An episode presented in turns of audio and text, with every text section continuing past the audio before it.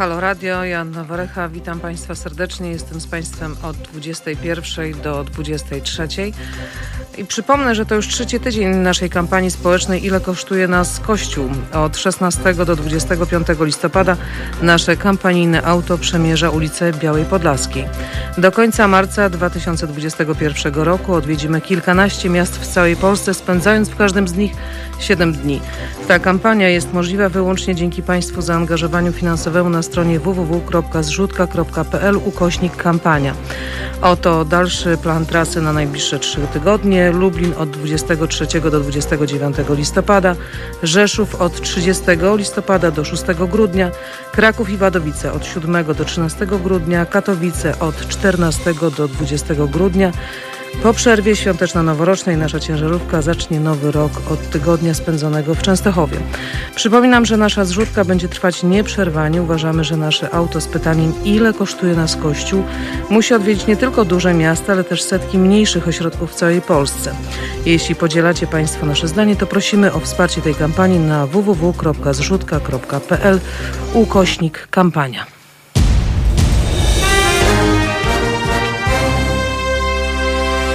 Radio, dobry wieczór. Joanna Warecha i Marcin Antosiewicz. Witamy Państwa bardzo serdecznie. Najbliższe dwie godziny e, będziemy zajmowali się tematem dosyć kontrowersyjnym, bo chcemy zapytać naszą ekspertkę o temat e, taki, czy powinniśmy e, opodatkować pracę robotów i czym jest dochód gwarantowany. Dobry wieczór. Dokładnie. Będziemy rozmawiać też trochę o tym tak naprawdę, e, czy świat po COVID, miejmy nadzieję, że on się bardzo szybko zacznie, powinien być taki jak przed wybuchem pandemii. I to są pytania, z którymi musimy się zetknąć, nie tylko ze względu na to, że trzeba zbudować coś nowego, ale ze względu na to, że Cyfryzacja, digitalizacja, automatyzacja, robotyzacja przyspieszyła w turbotempie. Dokonuje się nowa rewolucja przemysłowa, przemysł 4.0 i jak każda rewolucja, ale ta w sposób szczególny, bo dokonuje się w mega turbotempie, stawia nas przed nowymi pytaniami. Pytanie do Ciebie w związku z tym, Janna. Czy, czy Ty się nie obawiasz tego, że roboty zabiorą Ci robotę? E, póki co nie obawiam się, bo z danych Międzynarodowej Federacji Robotyki w Polsce na 10 tysięcy zatrudnionych w gospodarce narodowej przypada u nas 36 robotów przemysłowych, więc póki co chyba nie ma się e, co bać. Natomiast jestem zwolenniczką tego, żeby opodatkować e, pracę robotów, zwłaszcza w tych miejscach, gdzie ta automatyzacja jest bardzo duża i mm, no, to powoduje, że ludzie po prostu tracą pracę. No tak, ale dlaczego? Dlatego, że e, e, dlaczego chcesz je opodatkować? E, ludzie tracą pracę, no ale e, za to roboty, mm, no wiesz, no później nie mają emerytury, e, nie korzystają z publicznej służby zdrowia, mm, no i przedsiębiorcy właśnie na tym zyskiwali, stawali się coraz bardziej konkurencyjni, dlatego że zastępowali ludzi robotami. Bo też roboty mm, obniżają y, i wynagrodzenia y, ludzi w Polsce wciąż y, no, należymy do krajów, gdzie ten koszt pracownika jest bardzo niski. Mówisz o tym, że mm, roboty nie, mus, nie, nie płacą składek, nie korzystają, może nie tyle, bo nie płacą, nie korzystają z opieki zdrowotnej, ale uważam, że roboty zaśmiecają naszą planetę i będziemy mieli z tym coraz większy problem. Tak, ale wiesz co, jeszcze trochę wrócić, bo może my jesteśmy w komfortowej sytuacji, chociaż też już bym nie był taki pewny. W Chinach w jednej telewizji wiadomości prowadzi robot to już nie jest człowiek, prezenterem jest robot. W związku z tym może to się wydarzy szybciej niż nam się wydaje. Zresztą wiele newsów e, w internecie też już jest pisanych przez algorytmy, przez sztuczną inteligencję.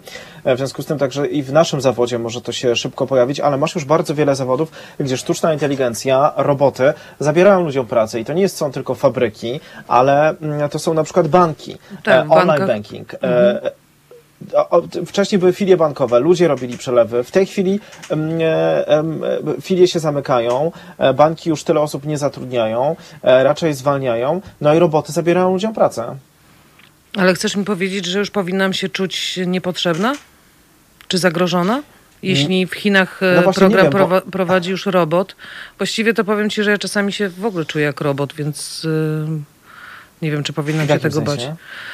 No, nasze życie naprawdę przybrało taki mm, obraz kieratu. Właściwie mm, napędzamy się. Ja myślę, że ten COVID spowodował to, że trochę wystopowaliśmy, ale do momentu pojawienia się pandemii właściwie byliśmy zaprogramowani do tego, żeby cały czas być na obrotach, cały czas być na obrotach, e, nie patrząc na konsekwencje, jakie to niesie ze sobą. Mhm. A ty się nie boisz, że twoją, mm, że ciebie może zastąpić robot? Wiesz co, nie boję się, dlatego że drugim tematem połączonym z tym pierwszym e, naszego dzisiejszego wieczoru będzie gwarantowany dochód, e, bezwarunkowy dochód gwarantowany.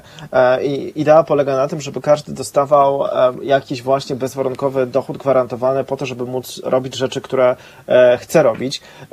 Także ja w ogóle uważam, że to jest super wizja, że roboty nas zastąpią i że roboty będą wykonywać naszą pracę i w końcu spełni się to, że my możemy się zajmować tym, czym chcemy w życiu, a roboty będą po prostu robić te rzeczy, których my nie chcemy i będą pracować za nas. Czy to nie jest piękna wizja? To jest piękna wizja, ale powiem Ci, że ja sobie też nie wyobrażam e, życia bez pracy i jeśli taki dochód gwarantowany miałby być, to chciałabym, żeby on był rozłożony jakoś czasowo, że na przykład co pięć lat mam szansę skorzystać z takiej oto możliwości, że chociażby dwa lata mam taki dochód gwarantowany i mogę realizować swoje pasje, swoje projekty. Natomiast nie wyobrażam sobie takiej sytuacji, że mam dochód gwarantowany i właściwie nie mam szans na pracę.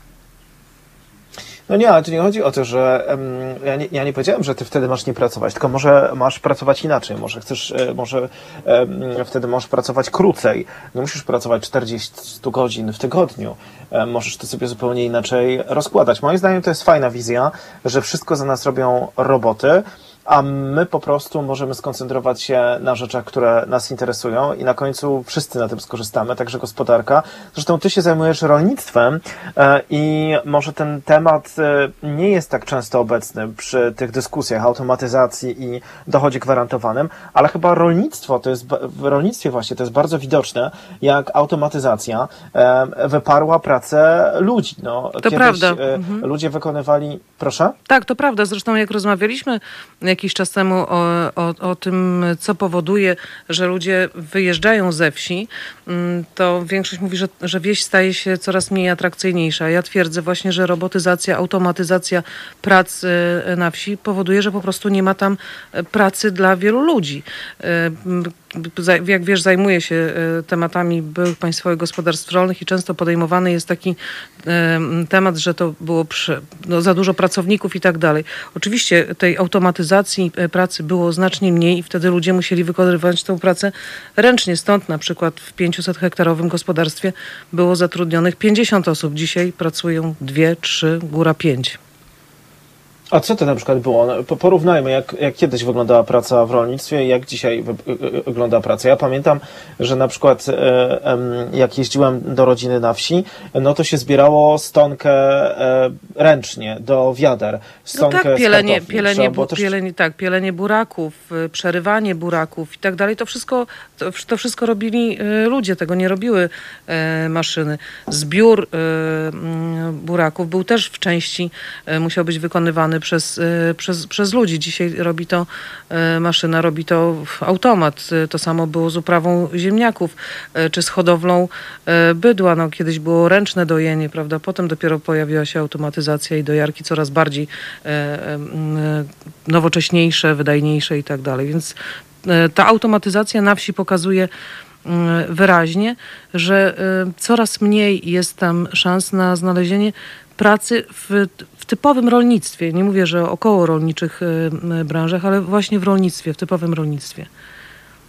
No ale to efekt trochę jest smutny tego, dlatego że e, skoro mówi, że tam nie ma pracy i ludzie muszą wyjeżdżać e, ze wsi mm, do miasta w poszukiwaniu pracy, no to to jest przykład, który pokazuje, że e, te roboty, ta automatyzacja może być zagrożeniem dla ludzi dla ludzkiej egzystencji. Dlatego ja uważam, że trzeba je opodatkować.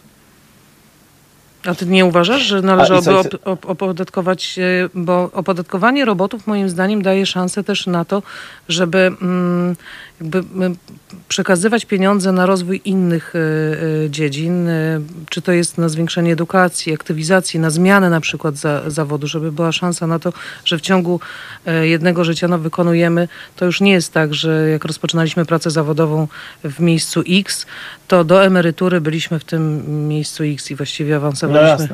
No Dzisiaj no, życie wymaga tego, żebyśmy się no, też przebranżawiali i tak dalej. I te pieniądze mogą iść na taką konkretną konkretną e, aktywizację, bo ja pamiętam swego czasu, jak na wsi na przykład organizowano takie kursy, jak e, chociażby zajmowanie się ikebaną. No, nie bardzo wiedziałam, po co, są takie, po co są takie kursy, a kiedy zainwestowane, możemy zainwestować duże pieniądze e, właśnie w rozwój takich miejsc, szczególnie miejsc na wsi, uważam, że to może być z dużym pożytkiem w ogóle dla całej gospodarki. No tak, znaczy ja nie chcę tutaj mówić na początku, bo chcę, myślałem, że stworzymy jakiś tutaj konflikt między nami, ale skoro tak mnie tutaj wołujesz do odpowiedzi, no ja też oczywiście uważam, że nie wiem czy wszystkie, ale część robotów, e, pracy robotów można by opodatkować, to bo ja kompletnie nie rozumiem, dlaczego jest opodatkowana w, w, z tak wielu składek się składa praca e, człowieka, człowieka dlatego że to nie są tylko te składki E, zdrowotne. Na przykład tutaj mam takie wyliczenie, że blisko 30% pensji brutto pracownika na etacie stanowią składki ZUS, składka zdrowotna i zaliczka na podatek. Przykładowo, z 4123 zł wpisanych do umowy o pracę pracownik otrzymuje jedynie 3000. Pracodawca natomiast za umowę o pracę podpisaną na tę samą kwotę brutto zapłaci co miesiąc prawie 5000 zł i e, e, spójrzmy jak, jak e, dokładnie wyglądają te wyliczenia. Kwota brutto wynagrodzenia za umowę o pracę stanowi podstawę wymiaru składek na ubezpieczenie emerytalne. Dobra, to rozumiem. Roboty nie będą miały emerytury. Rentowe, rozumiem. Chorobowe, rozumiem. Wypadkowe, oraz zdrowotne, a także e, składek na Fundusz Pracy, Fundusz Gwarantowanych Świadczeń e, Pracowniczych czy Fundusz Emerytur Pomostowych w przypadku etatowca wykonującego pracę w szczególnych warunkach lub pracę o szczególnym charakterze. E, I do tego też na te podobne składki jeszcze dodatkowo płaci pracodawca. W związku z tym, skoro jest tak wiele składek i tutaj jest powiedzmy terentowe, nie chcę, żeby to źle zabrzmiało, no ale później takie roboty też są jakoś gdzieś składowane, one zaśmiecają środowisko, w związku z tym powinniśmy jako państwo też pobierać e, podatek od robotów. Może one nie muszą być aż tak wysokie, ale myślę, że ta rozmowa, i teraz mówię naprawdę poważnie, powinna zacząć się w polityce. Mm, e, jakie roboty opodatkować i e, jak wysoki ma być ten podatek? Myślisz, że partia, która by zaczęła o tym mówić, miałaby szansę w Polsce? Na pewno byłoby to nowum y, w polityce, chociaż nie do końca, dlatego że mm, przecież ta dyskusja na świecie o tym, czy opodatkować roboty, ona trwa przynajmniej od 3-4 lat. Ja pamiętam we Francji też y, była podejmowana taka dyskusja właśnie w czasie kampanii y, wyborczej, czy nie opodatkować robotów. Oczywiście głównym, głównym jakby mm, tezą było to, że no, roboty odbierają pracę ludziom i dlaczego dla, za, zastępują e, nasze miejsce. Ludzie są coraz bardziej sfrustrowani, bo ja uważam, że ta automatyzacja i robotyzacja, nowe technologie, cała rewolucja technologiczna, która ma w tej chwili miejsce, te prace nad e, sztuczną inteligencją. Tutaj też jest e, ważne to, że, że ta sztuczna inteligencja e, powinna zawierać też perspektywę kobiecą. To też o tym rozmawialiśmy swego czasu. Natomiast e, w Polsce. Mm, Myślę, że jest takie podejście, że ci, którzy automatyzują, robotyzują, będą jeszcze zwalniani z, z podatków e, od tego, bo, bo, bo inwestują e, w przedsiębiorstwa. I myślę, że to, co się dzieje na świecie, cała ta dyskusja, która się przetacza, no ona ma się nijak do tego, do podejścia e, chociażby naszego rządu.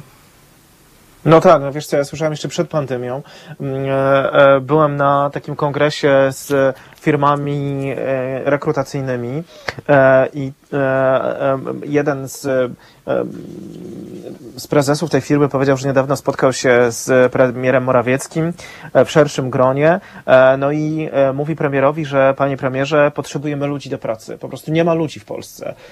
Musimy postawić na emigrację. No, a Morawiecki mówi, no ale zaraz, ale to, no wiecie, no to jest bardzo taki temat wrażliwy z tymi imigrantami, no bo wiadomo, jaką PiS tutaj nam opowieść roztacza.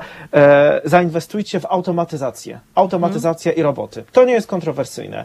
Nie, nie, nie żadni imigranci, tylko stawiajcie na automatyzację. To też jest e, w dłuższej perspektywie najlepsze rozwiązanie, bo społeczeństwo się starzeje, także e, jest coraz mniej rąk do pracy. Imigrantów nie chcemy, no bo wiadomo, że mm, Polak to jest najlepszy człowiek na świecie, a już taki Ukrainiec, no to już jest gorszy według PiSu. W związku z tym Uchodźca, bo to są, to są uchodźcy. Pamiętasz, jeśli jakby roztaczała się tak, dyskusja tak, na temat właśnie uchodźców, to, to rząd polski podejmował to, że my mamy przecież tak ogromną grupę uchodźców z Ukrainy. Poza tym e, obawiam się, że te e, roboty mogłyby być nazwane robotami narodowymi. Narodowe roboty. No, no pewnie tak będą. Roboty narodowe, chociaż myślę, że e, wielu z nas te roboty zastąpią, ale na pewno jest jeden człowiek, którego żaden robot nie zastąpi. Ale nie skupiajmy się na tym, bo za chwilę utkniemy w tej dyskusji polsko-polskiej, e, która e, kompletnie nas do przodu nie posuwa. Moim zdaniem jednak partia, która by naprawdę zaczęła na poważnie o tym rozmawiać, czyli żeby opodatkować pracę robotów. Ja tu myślę głównie o tym, ja nie mam takich niepokojów jak ty, że te roboty jakoś tutaj będą za, zabierało nam pracę. Ja w tym widzę szansę, jeżeli się znajdzie dobre rozwiązanie i tutaj jest polityka e, bardzo potrzebna. Jeżeli właśnie zacznie się je opodatkowywać, to wtedy można tworzyć inne społeczeństwo. E, takie, które się rozwija w taki sposób, w jaki chce, no bo nareszcie, no moim zdaniem filozoficznie coś się spełnia, co było zawsze marzeniem ludzi od początku, że po prostu ktoś inny wykonywał za nas pracę, e, której e, nie chcemy. Zresztą jeszcze jest jeden aspekt, zrobię dygresję małą, bo ty wprowadziłaś ten temat feministyczny, no to też jak rozmawiałem ostatnio z szefową jednej z fabryk koncernu automotoryzacyjnego w Polsce, to ona powiedziała, że przemysł 4.0, właśnie robotyzacja, powoduje to, mm, że dochodzi do równouprawnienia, dlatego że w jednej z fabryk samochodów w Polsce, dużego koncernu, w tej chwili e, na hali to 40% stanowią kobiety, dlatego że się do tej pory tam mniej było dużo siłowych, facetów. No tak, wiadomo, mniej, mniej siłowych. Mniej siłowych, bo mhm. faceci mają więcej siły i siła fizyczna decydowała o tym, że wiele zawodów było zarezerwowane dla, w praktyce dla facetów, a teraz siła już nie odgrywa żadnej roli, tylko kwalifikacje, e, intelekt, kompetencje mm, e, poruszania się w, w, w laptopie e, i tam 40% kobiet już na tej hali, po prostu to są kobiety, 40% e, pracowników to są kobiety i e, one po prostu zarządzają tymi robotami. No i tutaj faktycznie już, już nie trzeba mieć mięśni, żeby to robić. Także skutkiem ubocznym jest równouprawnienie. Ja naprawdę widzę coraz więcej szans związanych, tylko problem się pojawi taki, że jeżeli nie będziemy i dlatego tak kluczowe jest, żeby teraz rozpocząć na poważnie te dyskusje, bo jeżeli nie pokażemy ludziom alternatywy, e, że mamy pomysł na to, mamy wizję, mamy pomysł, jak to będzie wyglądało za 10, 15, 20 lat i nie musicie się obawiać robotów i automatyzacji, to wtedy e, e, ludzi przekonamy do tej wizji. Natomiast jeżeli ludzie widzą, że e, filia bankowa się zamyka ja tracę robotę, i nikt nie mówi mi, jak będzie wyglądała moja przyszłość za rok, dwa, trzy, cztery, to wtedy rozumiem, że tworzy się w nas i tutaj psychologicznie też taki mechanizm, że traktujemy roboty jako zagrożenie, jako wrogów, bo oni zabierają pracę nam, przez co nasza egzystencja, e, nasza, naszej rodziny jest zagrożona. Dlatego uważam, że to jest naprawdę nieodkryty temat w polityce i on jest bardzo potrzebny. I jakby na przykład opozycja na poważnie zaczęła się zajmować takimi tematami, to może dzisiaj byłaby trochę w innym miejscu niż jest. W 2016 roku został opracowany, to jeszcze za czasów prezydentury Baracka Obamy, mm, raport, w którym to twórcy podkreślali, że automatyzacja i rozwój sztucznej inteligencji uderzą w, najbardziej, w, no, w grupę najgorzej wykształconych i najsłabiej zarabiających e, pracowników, że e, będziemy mieli do czynienia z ogromną grupą właśnie ludzi wykluczonych przez e, automatyzację, robotyzację i też sztuczną inteligencję. No ja, ja nie, no to jest właśnie coś, co też nie jest dobre, dlatego że e, ja nie czytam tego raportu. Nie wiem, czy czytałeś ten raport, a co tam jest, jakie są rozwiązania proponowane, no bo e, jak się w ten sposób tylko tak mówi, no to się straszy ludzi e, właśnie tymi robotami, a to jest w ogóle nie do zatrzymania. To znaczy, albo możesz ignorować to, co się dzieje, albo stać się tego częścią i przejąć na tym kontrolę, dlatego że to nie jest do zatrzymania po prostu. I też taka pandemia pokazuje, że no, gdyby dzisiaj nie było sztucznej inteligencji, gdybyśmy nie byli tak daleko cyfrowo, no to na przykład edukacja, która i tak jest przez to gorsza, w ogóle by nie miała miejsca. E, ja bym dzisiaj z tobą nie mógł rozmawiać po prostu, e, bo ja jestem w domu, ty jesteś w studiu. E, w związku z tym i też w tej pandemii, ta pandemia pokazała, jak bardzo tego potrzebujemy. Nie potrzebujemy mniej tych procesów, tylko potrzebujemy więcej i, i mądrzej i też musimy o tym rozmawiać, jak chcemy to wszystko zorganizować, bo my o tym nie rozmawiamy. To się po prostu dzieje poza nami. E, jesteśmy, uczestniczymy w tym procesie, ale nie jesteśmy podmiotem, tylko przedmiotem. E, dlatego tak istotne jest, żeby odwrócić tę dyskusję, żebyśmy przejęli nad tym kontrolę, a nie żebyśmy mm, byli rozgrywani też, bo też się boję, że może za chwilę właśnie pojawią się w polityce e, tacy aktorzy, którzy będą nas właśnie rozgrywać, że mamy znowu tacy populiści, żeby, żeby, że przeszłość jest lepsza, bo ją znamy, no to musimy zatrzymać proces, który się dzieje. Nie, to nie jest lepsza. Przeszłość przyszłość nie jest lepsza, po prostu tej się nie da przewrócić. To jest jakiś e, obietnica, która nie da się nigdy zrealizować. W związku z tym e, musimy skoncentrować się na przyszłości, tylko potrzebujemy ludzi, którzy są z nami o tym w stanie poważnie, mądrze rozmawiać i którzy mają kompetencje, mm, e, żeby przedstawić nam plan, którego staniemy się aktywną częścią. A przecież ta, takie osoby są, tacy ludzie są. Jutro w audycji będę rozmawiała o mm, technologiach, e, o kobiecej perspektywie, o kobietach w technologiach. E, to jutro od 10 do 13. Zapraszam Państwa bardzo serdecznie do tej e, audycji. A my już za chwilę będziemy rozmawiać z naszym gościem. Na teraz gościnią pa, nawet. Gościnią, tak, gościnią. Paweł przygotował dla Państwa set muzyczny i wracamy z Marcinem za kilka minut.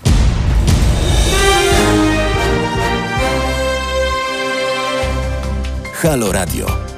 Gadamy i trochę gramy.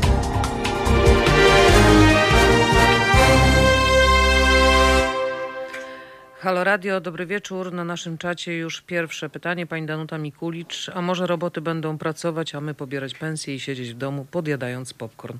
Czy to jest e, nasza przyszłość? O tym dziś między innymi e, rozmawiamy z Marcinem Antosiewiczem i za chwilę z naszą gościnią. Ja tylko dodam, że można do nas zadzwonić 22 390 59 22. Czekamy też na Państwa opinie, e, komentarze w tej sprawie. Czy opodatkować roboty i czym jest dochód gwarantowany? To dziś do godziny 23. Ja się absolutnie zgadzam z panią Danutą. To jest dokładnie też moja wizja, e, że spełnia się coś, o czym od zawsze e, ludzie marzyli, że ktoś inny będzie wykonywał za nas pracę, której nie chcemy zrobić, która jest trudna, fizyczna, e, a my będziemy mogli skupić się na rzeczach, które chcemy robić, które będą nas rozwijały w kierunku, o którym zawsze marzyliśmy. Połączmy się teraz z panią Ewą Sufin-Jacques-Mark. Dzień dobry, pani Ewo, dobry wieczór właściwie. Czy pani nas słyszy? Dobry wieczór, słyszę Państwa. Bardzo się witam, cieszę. Witam. Dobry wieczór Pani Ewo. E, pani e, Ewa Sofin-Jacques-Mark jest ekspertką do spraw organizacji e, i metod, jest byłą dyplomatką, doradczynią do spraw zrównoważonego rozwoju i społecznej odpowiedzialności przedsiębiorstw. Z wykształcenia jest socjolożką. W tej chwili jest także prezeską Fundacji Strefa Zieleni i jest autorką magazynu Zielonych Wiadomości. Ale tak naprawdę cały życiorys pani Ewy nadawałby się na nie jeden program, jak nie na film. Ja tylko krótko powiem, że pani w 1981 roku chciała wyjechać do Francji. Znaczy, plan był taki, żeby zostać w Polsce, bo pani miała męża z e, Francji, ale on przyjechał trzy dni do Polski przed wybuchem stanu wojennego. 13 e, grudnia 1981 roku wybuch stan wojenny. Pani krótko po tym urodziła, po czym zdecydowaliście się jednak wyjechać e, do Francji. Z tego co wiem, bo pani mi to kiedyś opowiadała, jechaliście 27 godzin pociągiem, pani z małym dzieckiem na ręku. Znała pani wtedy cztery słowa po francusku i została we Francji 25 lat. E, ciekawym też etapem w Pani życiorysie jest to, że gdy miała Pani 45 lat, rozpoczęła Pani nowe studia dzienne na kierunku e, ekonomia i zarządzanie terytorium ze specjalizacją turystyka i środowisko. E, a zdecydowała się Pani na te studia, za chwilę też o tym będziemy rozmawiać, ale to akurat dobrze pasuje do naszego tematu, dlatego że straciła Pani pracę w swojej firmie i we Francji był taki system, że dostaje się 80% wynagrodzenia w momencie, kiedy podejmuje się studia i że te wynagrodzenie, to 80% wynagrodzenia nie jest zmniejszane w momencie, kiedy się studiuje. I to pozwoliło Pani na rozpoczęcie zupełnie nowego etapu w życiu, a później przyszedł kolejny etap w życiu, bo w 2007 roku została Pani dyplomatką, konsulem RP w Luksemburgu, później była Pani charge d'affaires do 2011 roku i w 2011 2011 roku wróciła Pani do Polski e, po prawie 30 latach nieobecności w kraju. I wróciła Pani dlatego, że e, jak mi Pani powiedziała kiedyś, od świadomości ekologicznej Polaków zależy los świata. E, I tu chodzi o to, że uważa Pani, że oczywiście zagrożeniem dla nas największym są zmiany klimatyczne. E, Unia Europejska jest tym aktorem, który musi pokazać, jak to powinno wyglądać na świecie, a w Unii Europejskiej blokującym hamulcowym jest Polska. W związku z tym, jeżeli uda się przekonać Polskę do tych zmian, to wtedy Unia Europejska ma szansę stać się liderem i wtedy wszystko się zmieni. Czy coś pomyliłem Pani Ewo, czy wszystko się zgadza? No jestem pod wrażeniem, muszę powiedzieć, bo rzeczywiście zapamiętam Pan fantastycznie różne ważne etapy w moim życiu. A ja Panie, no tak, a, ja tak, a ja Pani Ewo się wtrącę, że chciałabym zrobić o Pani film, naprawdę. No, scenariusz przynajmniej na serial, na serial, wspaniały, wspaniały życiorys. Mi się wydaje, że no, no, właśnie, ja tylko jeszcze wejdę, bo mi się wydaje, że właściwie każdy by chciał tak żyć jak pani Ewa Marc, że tylko, tylko nikt nie ma odwagi tak naprawdę. I dlatego ja uważam, że, że po prostu warto się zapoznać nie tylko z pani poglądami, za chwilę będziemy mieli do tego okazję, ale także z pani drogą życiową, bo każdy chyba marzy z nas o tym, żeby e, rzeczywiście po prostu od nowa rozpocząć swoje życie, jak się ma 45 lat, iść na studia dzienne, później zrobić coś nowego, e, zupełnie innego, a pani to, to wszystko zrobiła. Dlatego uważam, że to jest tak ważne, ale e, y, od razu zapytajmy, czy pani, pani Ewo opodatkowałaby roboty, jakby pani dzisiaj była e, prez, premierem Polski albo szefową Komisji Europejskiej? No zdecydowanie tak. E, oczywiście, no to jest e, wielka niesprawiedliwość. Znaczy, dzisiaj opodatkowujemy pracę ludzką, co jest kompletnie archaicznym już dzisiaj systemem, że opodatkowujemy pracę, a w momencie właśnie tak wielkiej automatyzacji nie opodatkowujemy robotów, które za nas pracują. Ale to jest nie tylko, to nie jest jedyna reforma podatkowa, to jest tylko mm, ułamek tego, co trzeba by zmienić bo wspomnieliście Państwo już o bezwarunkowym dochodzie podstawowym. To jest bezwarunkowy dochód podstawowy jest taką konsekwencją właściwie tych wielkich zmian, które się dokonały, bo my e, musimy przestać myśleć o pracy w tradycyjnej, w tradycyjny sposób, prawda? Praca to jest ta, to miejsce, gdzie mamy umowę i chodzimy codziennie wykonywać jakąś jakieś zadania po to, żeby pod koniec miesiąca dostać pensję, która nam pozwala żyć. I problem polega na tym, że mm, jak patrzymy na stan świata, na y, całą, y, no w tej chwili właśnie prowadzę takie szkolenia y, wokół zmian klimatu. Jeszcze niedawno znowuż na świeżo obejrzałam wykład Marcina Popkiewicza, jak on nam mówi, że mamy w tej chwili E, stężenia dwutlenku węgla 415 jednostek na miliard, największe nie tylko od 800 tysięcy lat, ale prawdopodobnie od milionów lat, bo przez e, te kilkaset tysięcy lat stężenia były wciąż między 170 a 300 ppm mniej więcej, a w ciągu ostatnich dekad doprowadziliśmy do takiego poziomu, którego nie znamy w ogóle i w związku z tym nie wiemy, jak nasz świat żywy będzie się zachowywał. Do, doprowadziliśmy do tak wielkiej katastrofy ekologicznej, bo stworzyliśmy system, w którym uważamy, że wszystko, co jest pod ziemią, co się miliony lat odkładało, naszym obowiązkiem jest to wydobyć e, i jak najszybciej przerobić na zanieczyszczenia i na śmieci. Im szybciej, tym lepiej. Tak, jakby ziemia tylko była na raz. Jak, tak, jakby to było jakby wszystko tylko na raz. Mhm. prawda, do wyrzucenia i potem po nie na jaką tak. planetę sobie potem po, po, polecimy. Więc i na dodatek, że się zmarnuje, że jak zostanie w ziemi, to się zmarnuje, więc każdy kraj, e, jeżeli jest patriotyczny, jeżeli jesteś patriotą, to nasze zasoby wydobądź i przerób na odpady, prawda? Przez bardzo krótką konsumpcję. Więc, więc system jest po prostu absolutnie niemożliwy i musi być zmieniony, więc w tym systemie musi się bardzo dużo rzeczy zmienić. I no ta właśnie. praca, mhm. większość ludzi dzisiaj pracuje po to, żeby przerabiać zasoby nieodnawialne na śmieci, zanieczyszczać planetę i niszczyć e, chemizować świat, tworzyć różne nowe schorzenia, choroby cywilizacyjne i tak dalej, i alienację ludzi, depresję, e, różnego typu 4% PKB Unii Europejskiej wydajemy na wszystkie choroby psychiczne i okołopsychiczne, więc ludzie nie są szczęśliwi w tym całym systemie. Także wiemy, że ta zmiana Ale musi być odwagi go zmienić. Ale nie mają No, odwagi to- go zmienić, bo to też jest kwestia psychologiczna. No właśnie, no to Prawda? na każda zmiana, ja się 7 lat zajmowałam wprowadzaniem, zarządzaniem zmianą w organizacji, w którymś tam mo- z moich kolejnych żyć i kolejnych e, e, dyplomów, między dwoma dyplomami właśnie wdrażając. Więc em, oczywiście, że od, odporność na zmiany jest duża, ale, ale ludzie zazwyczaj, e, to co ludzi przeraża, to jest niepewność.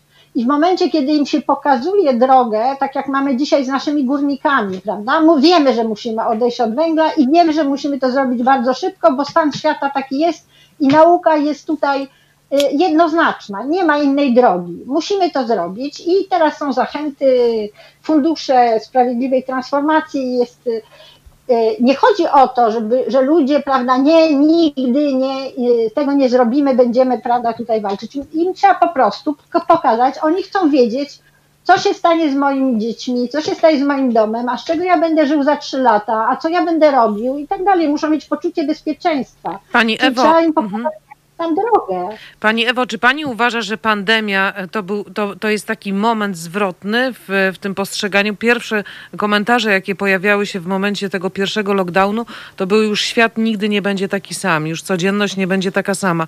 Że myśmy chyba trochę przystopowali, ale też y, zredefiniowaliśmy nasze, nasze potrzeby. E, Coraz więcej osób mówi o tym, że właściwie to, to chciałaby mniej już być w takim kieracie codzienności o tym, y, mm, co pani mówiła o pracy, że przyzwyczailiśmy się e, e, dekadami do tego, że wychodzimy codziennie do domu, wykonujemy podobne czynności, wracamy no i otrzymujemy, otrzymujemy pensję. Że chcieliby się e, bardziej angażować w jakieś kooperatywy, no, e, m, tworzyć jakieś mini wspólnoty. Czy pani zdaniem właśnie pandemia to jest ten moment zwrotny? No to ja uważam, że to jest fantastyczny moment. Naprawdę, pod tym względem to akurat, no oczywiście nie mówię z wielkim żalem, mówię to z wielkim żalem o, o, co do wszystkich ofiar i tych nieszczęść ludzkich, bo tutaj nie o to chodzi. Natomiast systemowo, jako zjawisko ogólnoświatowe, to oczywiście e, powiedziałabym, planeta mówi stop, no bo ten wirus też się nie pojawił znikąd, prawda? Tylko się pojawił między innymi, jest to kolejny, kolejna choroba, kolejny wirus, tylko że po prostu poprzednie nie dotyczyły świata bogatego, więc żeśmy tego nie zauważali, ale to jest też wynika z tego, że po prostu niszczymy siedliska wszystkich zwierząt, bo cała nasza ekspansja ludzka, urbanizacja postępująca na każdym kroku i wycinanie w niesamowitym tempie lasów i e, lasów tropikalnych i tak dalej, no to powoduje, że po prostu te zwierzęta, którym odbieramy domy, gdzieś się muszą podziać i wchodzą w związki i w, w, w relacje z ludźmi, więc przekazują nam swoje choroby. Także to jest taki moment, kiedy po prostu doszliśmy do ściany, planeta mówi ani kroku dalej.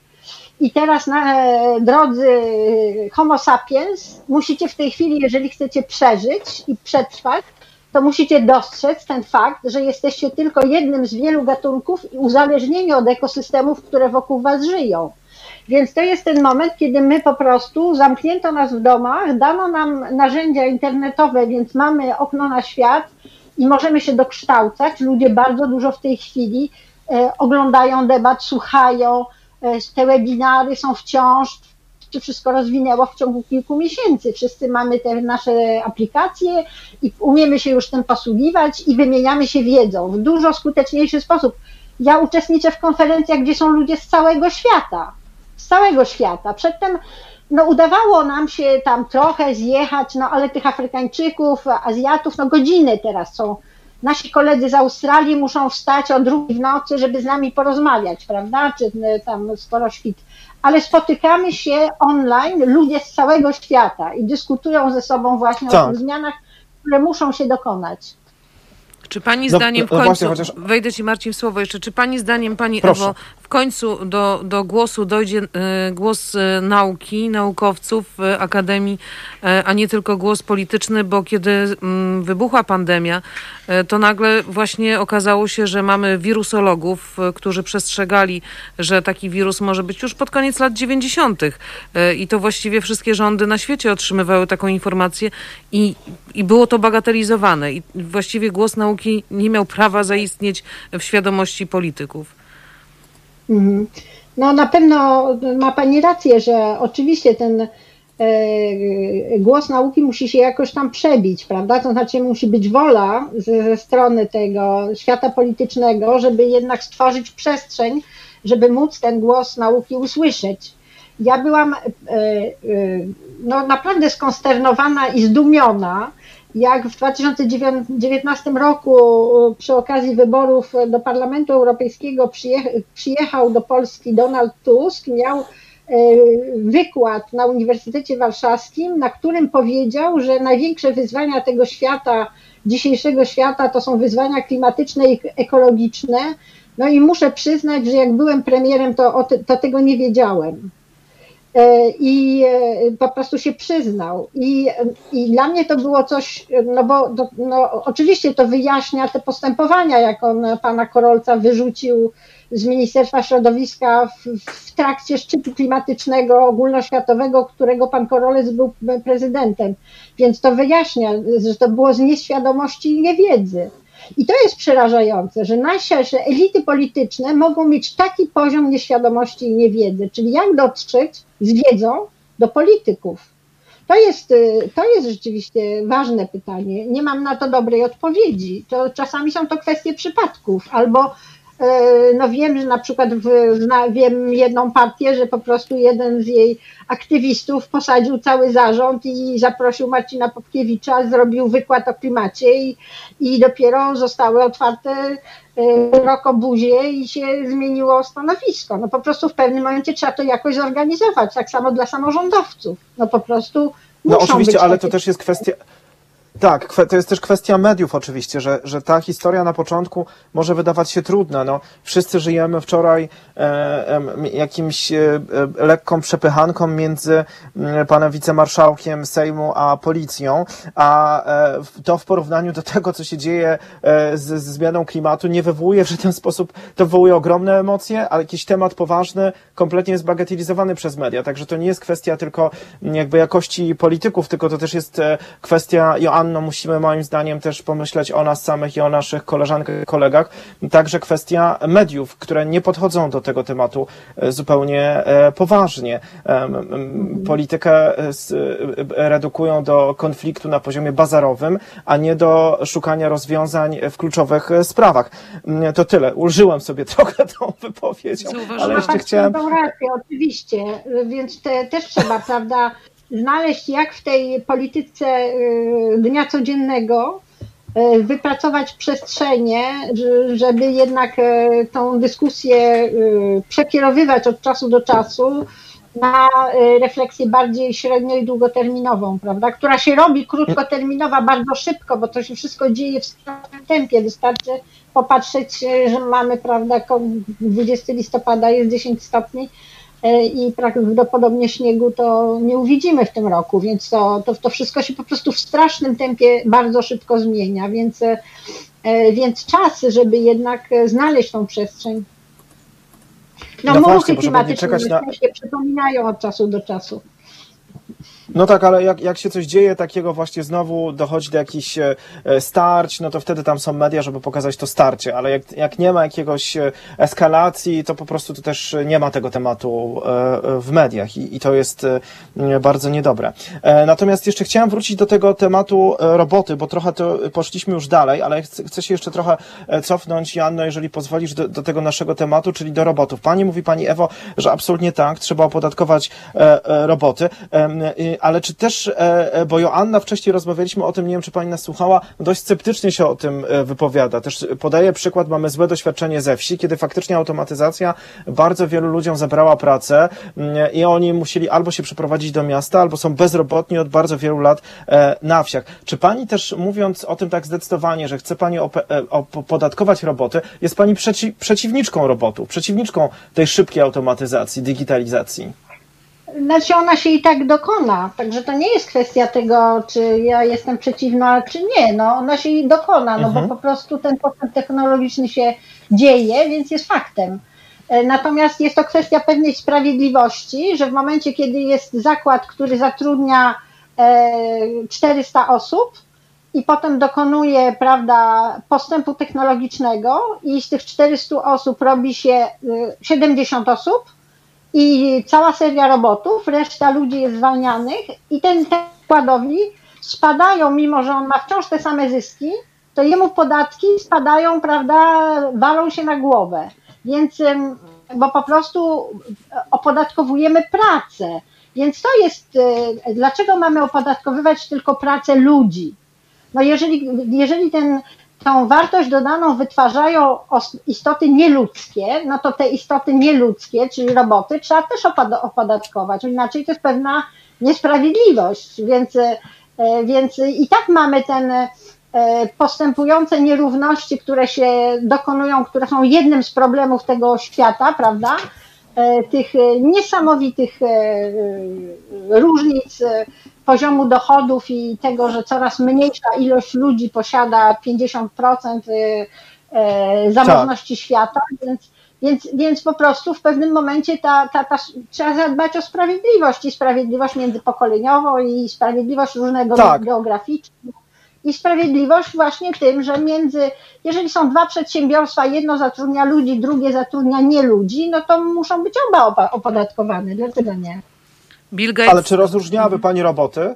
Czy, przepraszam, tylko, czy rozróżniałaby Pani roboty? Czy by, czy by Pani, że, że na przykład są takie, których się nie opodatkowuje, są takie, które się opodatkowuje, e, nie wiem, tam na parę procent, a inne na dużo więcej procent? Czy by wprowadziła Pani jeden podatek na wszystkie roboty i na sztuczną inteligencję wykorzystywaną w przedsiębiorstwie? Znaczy, no myślę, że to trzeba po prostu trochę inaczej e, rozwiązać, że po prostu nie opodatkowujemy pracy, tylko że opodatkowujemy dochody, prawda, przedsiębiorstwa, czyli wytworzoną wartość dodaną i tak dalej, więc a nie, e, a nie pracę. To to opodatkowanie pracy, no bo w tej chwili na przykład jak mówimy o, e, o zanieczyszczeniach środowiska i coraz bardziej mówimy o podatkach ekologicznych, prawda, o podatku węglowym.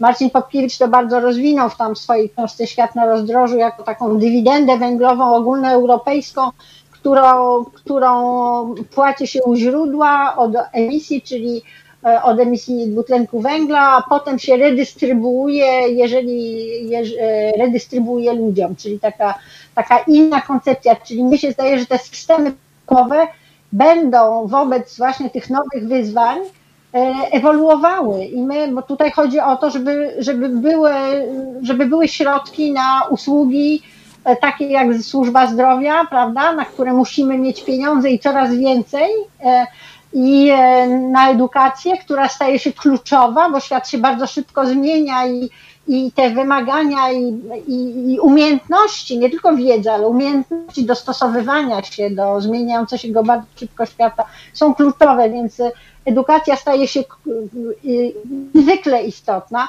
Więc, więc musimy przedefiniować i przetasować to wszystko. Także to jest dla mnie takie opodatkowanie robotów, to jest skrót myślowy. To nie jest to, że technicznie opodatkujemy roboty od rodzaju, od wielkości, od wydajności i tak dalej, tylko po prostu chodzi o to, że ten cały system e, opodatkowania musi się zmienić. Jedną właśnie z koncepcji, która Niektórzy ekonomiści uważają, że to jest taka koncepcja, która zmieni całą resztę systemu, pociągnie, będzie tak wielką zmianą e, systemową, że pociągnie całą inną trans resztę transformacji, jest właśnie ten bezwarunkowy dochód gwarantowany. Jako coś uniwersalnego, no dzisiaj emeryci dostają, e, jako tak. pewna grupa ludzi, to dostają, prawda?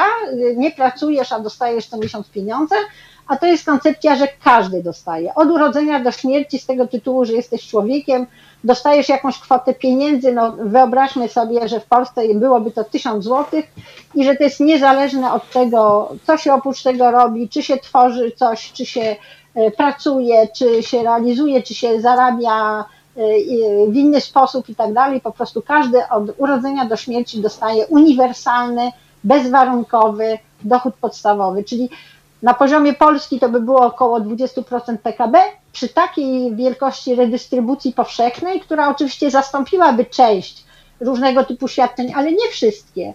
Więc, e, więc e, wymagałoby to kompletnej zmiany sposobu myślenia i całego ustawienia całego systemu. I to nie jest, to jest coś, co mm, już powiedziałabym w zalążku jest od długiego czasu, ale w tej chwili jest bardzo poważną debatą. Już w bardzo różnych środowiskach.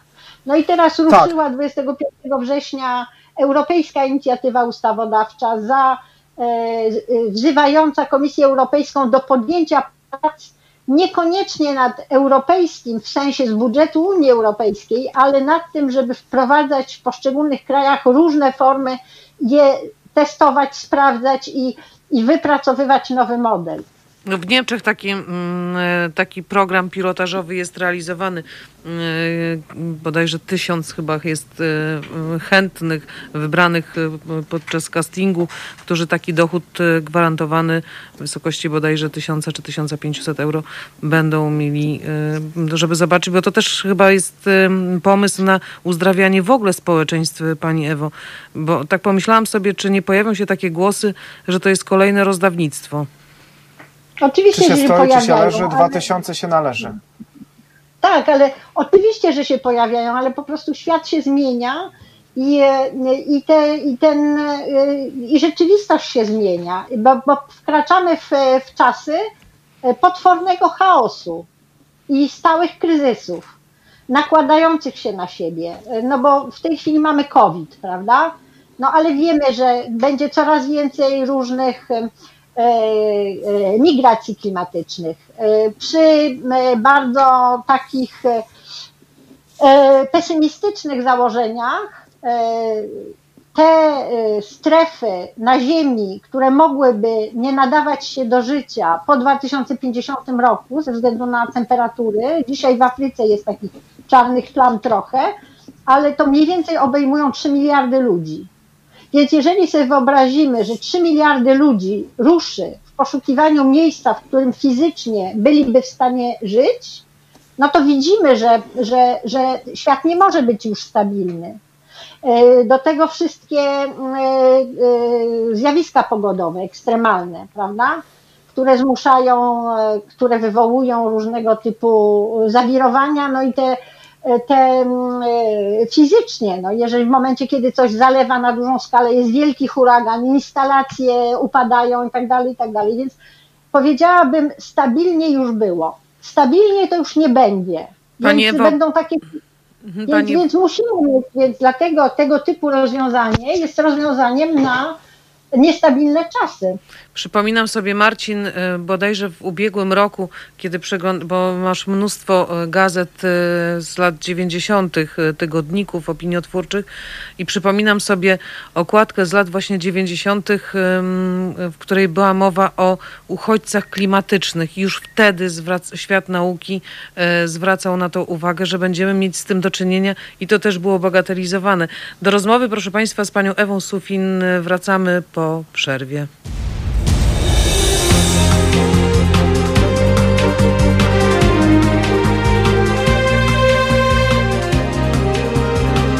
Halo Radio. Dobry wieczór, Halo Radio, Janna Warecha i Marcin Antosiewicz. Dobry wieczór, a z nami wspaniała ekspertka pani Ewa Sufin-Żakmart. Dobry wieczór, dobry wieczór Państwu. Czekamy na Państwa opinie, komentarze, refleksje. Pojawiają się takie głosy, pani Ewo, że to e, ten dochód gwarantowany to nic innego jak e, no, komu no wróć, czy się stoi, czy się leży, dwa tysiące się należy. Ja, oczywiście, że jesteśmy w postkomunistycznej Polsce, więc wiadomo, że takie głosy będą się pojawiać. No ja tylko mam nadzieję, że u nas zawsze jest tak, że jak coś zostanie wprowadzone na Zachodzie, no to potem wraca jako dobry pomysł, prawda? Więc, więc mam nadzieję, że w końcu Szkoci, którzy są już bardzo, bardzo zaawansowani w tym kierunku, Finowie, którzy tam ich prawicowy rząd robił drobne, bardzo w ograniczonym zakresie eksperymenty, ale E, ale sama idea jest wciąż, wciąż, wciąż rozwijana. E, Niemcy teraz testują, więc e, na pewno w pewnym momencie, ponieważ jest to konieczność historyczna, to znaczy się w momencie, kiedy są takie, takie prawdy, które przez lata są prawdami, dopóki prawdami przestaną być, jak na przykład ten nasz europejski E, e, pakt, pakt stabilności i wzrostu, który tam mówił, że 3% deficytu to jest święte i e, dla państw i w ogóle i to było, cała polityka finansowa była, była tym regulowana, no i nagle przyszedł COVID i nagle nikt na pakt stabilności nie zwracał uwagi i po prostu wszyscy ruszyli ratować e, gospodarkę i ratować ludzi. I, i, e, no bo taka była konieczność. Tak, ale więc, pani, więc... tak, pani Ewo, ale jednak, ale musimy się zmierzyć z, ty, z, tymi, z takimi argumentami. Żyjemy w, spo, w postkomunistycznym społeczeństwie i tego po prostu nie zmienimy. Mamy takie doświadczenie z komuną i z tak zwanym socjalizmem, jakie mamy. I jak pani odpowie na to ludziom, którzy mówią, no dlaczego ktoś, kto nie pracuje, ma dostawać od państwa, dajmy na to tysiąc złotych miesięcznie za nic nie robienie? Nie za nic nie robienie. Po pierwsze, ludzie nie jest tak, że nic nie robią. Ma, ja to mówię odwrotnie.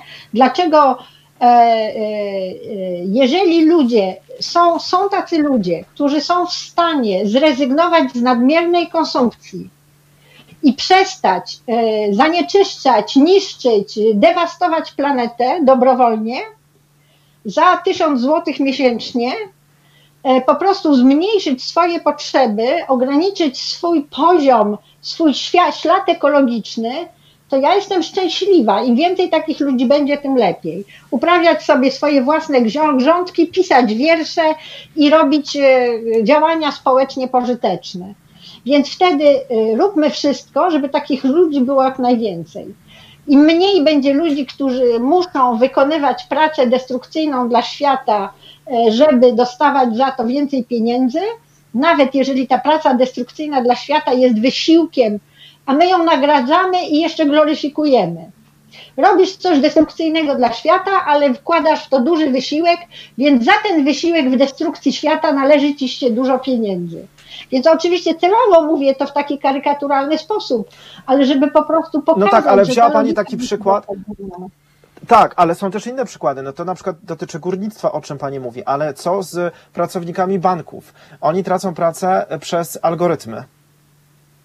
Mhm. I, Popadają w e, depresję. Teraz, to właściwie dzisiaj jest problem wielu pracowników banku, że właśnie ten robot e, doprowadza ich do depresji, do załamania e, psychicznego. No to, to jest kolejna walka, którą. Ale może tutaj. Mhm. Tak, ale tutaj Joanno właściwie rozwiązanie, które właśnie mówi pani Ewa, że, że tak wejdę w słowo, akurat na to odpowiada, bo wtedy przez dochód gwarantowany dajemy im to bezpieczeństwo. Prawda? Bo, bo to właśnie o to chodzi. Ten fińskie na przykład badanie, ono jest bardzo istotne, mimo że on miało marginalne znaczenie dla samego e, dochodu podstawowego, bo to e, dla ludzi, którzy nie wiedzą, na czym polegał eksperyment fiński, e, tam chciano zbadać bardzo wąską rzecz, czy osoby, które dostaną bezrobotne, długotrwale bezrobotne, czy w momencie, kiedy dostaną bezwarunkowy dochód podstawowy, e, jako dodatek do normalnego zasiłku dla bezrobotnych, czy będą e, e, więcej, lepiej szukać pracy. Czy więcej z tych ludzi znajdzie pracę, bo będą mieli więcej środków na opłacanie, środków komunikacji, jeżdżenie po kraju na, i tak dalej, i tak dalej. I robili to przez dwa lata była grupa kontrolna, która nie dostawała tych osób bezrobotnych, która nie dostawała y, BDP i grupa, która dostawała. I właściwie y, można by powiedzieć, że eksperyment się nie udał, y, ale on się ani udał, ani nie udał, bo nie było różnic w tych dwóch grupach, jeśli chodzi o fakt znajdowania pracy, ani mniej, ani więcej. Natomiast była jedna bardzo istotna różnica między tymi grupami ta grupa, która miała ten bezwarunkowy dochód podstawowy, miała znacznie wyższy poziom tak zwanego dobrostanu i samopoczucia. Byli ci ludzie byli Mhm. po prostu w znacznie lepszej kondycji psychicznej. I, i, I w związku z tym, ponieważ ten y, koszt, y, w, tym bardziej w kryzysowych czasach, tak jak Państwo mówicie, koszt y, tego stresu, tego braku poczucia bezpieczeństwa jest ogromny. Jest ogromny i ekonomiczny, bo to jest 4% PKB w Unii Europejskiej. To nie jest nic. I, I w momencie, Tak. kiedy ten zagrożenie kryzysami i nasilenie i częstotliwość kryzysów wzrasta, ta, e, te, ten procent będzie rósł, więc, więc dając ludziom poczucie stabilizacji, bo w momencie, kiedy ja mam ciekawe zajęcie, zarabiam pieniądze dodatkowo, to ja mam możliwość odłożenia tego, ale cokolwiek by się nie stało, wiem, że ja będę miał ten czy miała ten podstawowy dochód, który zapewni mi minimum bez, bezpieczeństwa, prawda? Więc zmniejszając Pani moje to może ta propozycja. No. Tak, to może ta propozycja Joanny e, z początku naszego programu, żeby to, że wprowadzać na raty na przykład, żeby tak od razu też e, ludzie e, wszystkich nie przerazić, że na przykład Joanna mówiła, że co pięć lat można sobie przez dwa lata zrezygnować właściwie z pracy albo wziąć jakiś urlop bezpłatny i wtedy na pewno mamy gwarancję, że będziemy dostawali mm, jakieś pieniądze, które, które pozwolą nam na to, żeby przeżyć. No może, na pewno tych eksperymentów będzie dużo różnych. Na przykład e, Belgowie proponują, żeby zacząć od młodych ludzi. Ponieważ, e, e, no szczególnie teraz, prawda, ta generacja, która teraz będzie wchodziła na rynek pracy w czasach COVID-u, no jest ogromnie poszkodowana, bo po prostu będą mieli bardzo, na- nawet już te, nauka w tej chwili jest wielką trudnością, więc będą mieli już gorsze, e, gorszą wiedzę, ale oprócz tego będą wchodzili na rynek pracy w czasie kryzysowym. Więc, e, więc Belgowie właśnie mówią, że e, spróbujmy to zrobić dla osób 18-26 lat, dla tych najmłodszych, i, bo oni mają najtrudniej, prawda? Więc, więc być może, moim zdaniem, będą na przykład y, dla mnie bardzo ciekawym przykładem, bo to się dzieje nie tylko w krajach rozwiniętych, to się dzieje również w krajach rozwijających się. I bardzo ciekawym dla mnie e, polem jest Brazylia. To nie narodowy rząd, no bo nie, nie spodziewałabym się czegoś takiego po prezydencie Brazylii, ale właśnie jeden z regionów, jedna z prowincji, wprowadziła bezwarunkowy dochód podstawowy dla dużej grupy ludzi, tam około 40 tysięcy osób, czyli pewne wybrane kategorie e, e, ludzi najwrażliwszych i e, wprowadzili go na początku na bardzo niskim poziomie 20, 20 euro, można by powiedzieć, od osoby miesięcznie, każdy dostaje. Co jest ważne, że to dostaje osoba, a nie gospodarstwo domowe. Każdy dostaje. I kobieta, i mężczyzna, czyli każdy dostaje. I e, miało to o, o tyle, było to o tyle ważne, że ten cały system już istniał, płatności, czyli cała organizacja tego systemu istniała. E, Ludzie już dostawali te pieniądze automatycznie na rachunki i tak dalej, i tak dalej. I, I wtedy przyszedł COVID, bo oni to zrobili jakiś czas przedtem. I w momencie, kiedy przyszedł COVID, to oni po prostu jedną decyzją administracyjną zwiększyli kwotę z 20 na 50 euro. Ale cały system już Mhm. istniał. I w związku z tym od razu wprowadzili, nie tracili czasu, nie musieli tracić czasu, tylko bardzo łatwo wprowadzili adekwatną reakcję na kryzys dla ludzi najbardziej wrażliwych. Więc, więc to pokazuje, jak e, istnienie takiego systemu, prawda, nawet jeżeli on byłby w czasach tak zwanych stabilnych na niezbyt wysokim poziomie, ale samo już istnienie tego systemu powoduje, że jest to wtedy super narzędzie, które można wykorzystać w czasach trudnych. Pani Ewo, ja przyznam się, że dla mnie e, też ważne jest to, że e, nazwa e, to jest bezwarunkowy dochód podstawowy, a nie zasiłek dla bezrobotnych. To akurat dla mnie ma znaczenie, że, mm, że to się nazywa dochód, że ja mogę, e, czuję się po prostu potrzebna. To we mnie, to, to też powoduje, że człowiek chce szukać kolejnych zajęć, bo już to słowo bezrobotny, zasiłek, no gdzieś nas tam plasuje e, jako tych niepotrzebnych. Znaczy stygmatyzuje i Tak. pozbawia ludzi godności. Przede wszystkim bardzo ludzi, bardzo wielu ludzi nie chce korzystać, nie korzysta z, z tak zwanych tych właśnie świadczeń socjalnych, bo te świadczenia są bardzo e, takie no, poniżające. W związku z no tym. tak, bo tego nie widzi się jako inwestycje. Całe, całe procedury, trzeba składać wniosek, trzeba tłumaczyć tym urzędnikom coś tam. To wszystko jest strasznie upokarzające. Ja przypominam Więc, sobie tak, przypominam sobie taką sytuację, kiedy byłam e, właśnie bezrobotna i, i, poszłam po ten zasiłek e, dla bezrobotnych. I pamiętam taką sytuację, że poprosiła mnie pani urzędniczka o numer konta. I ja się powiedziałam, że no nie mam, nie mam konta, e, bo wstydziłam się tego, że m, mm, właściwie nie wstydziłam, tylko bałam się, że przy kredycie hipotecznym, kiedy będzie przychodził zasiłek dla bezrobotnych, to bank e, uzna mnie za e, osobę niewiarygodną, że należy mi wypo, wypowiedzieć tą umowę i dać sobie ze mną spokój albo szukać jakichś kolejnych żerantów. I na to, jak to pani nie ma konta? Ja wiem, no po prostu no, prezes Jarosław Kaczyński też nie ma konta. I, i to było takie usprawiedliwienie, że no tak, rzeczywiście, no to będzie pani odbierała to w kasie.